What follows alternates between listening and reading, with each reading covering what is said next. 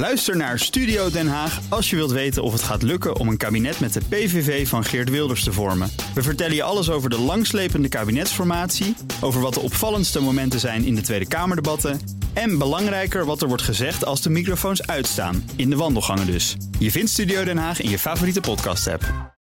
De column van Bernard Hammelburg.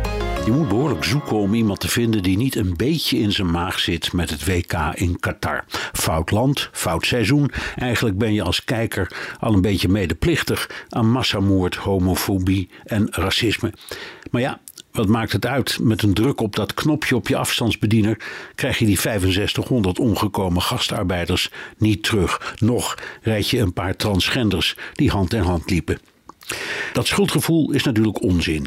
Voetballiefhebbers, voetbalmeelopers en gelegenheidskijkers, zoals uw dienstwillige dienaar, hebben recht op hun WK. We hebben niets misdreven en we kijken met bewondering naar de helden op en rondom het veld, die de stelling dat sport en politiek niet samengaan onderuit halen. Een verslaggever van de Deense TV die werd aangehouden omdat hij een regenboogarmband droeg.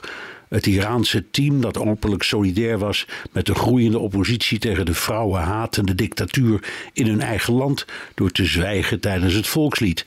De Europese teams die probeerden de regenboogarmband te dragen, maar werden bedreigd met een gele kaart, zoals Virgil van Dijk die de wereldpers haalde.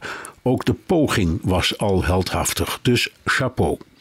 Wat ons natuurlijk brengt op de grootste schurken, zo ongeveer de uitvinders van de dictatuur, inderdaad de FIFA.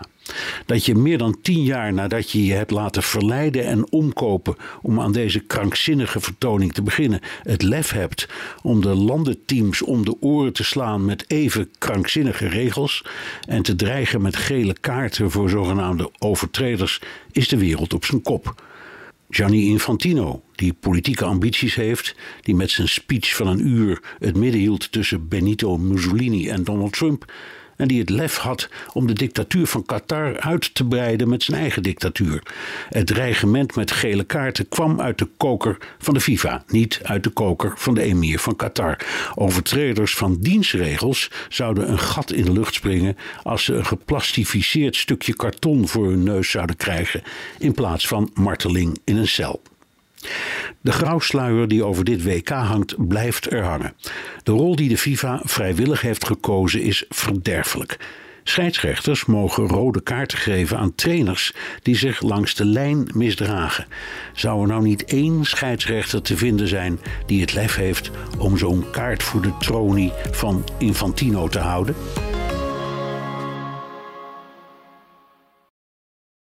Ook Hugo Reitsma vind je in de BNR-app. Superhandig die BNR-app. Je kunt alle programma's live luisteren, breaking nieuwsmeldingen.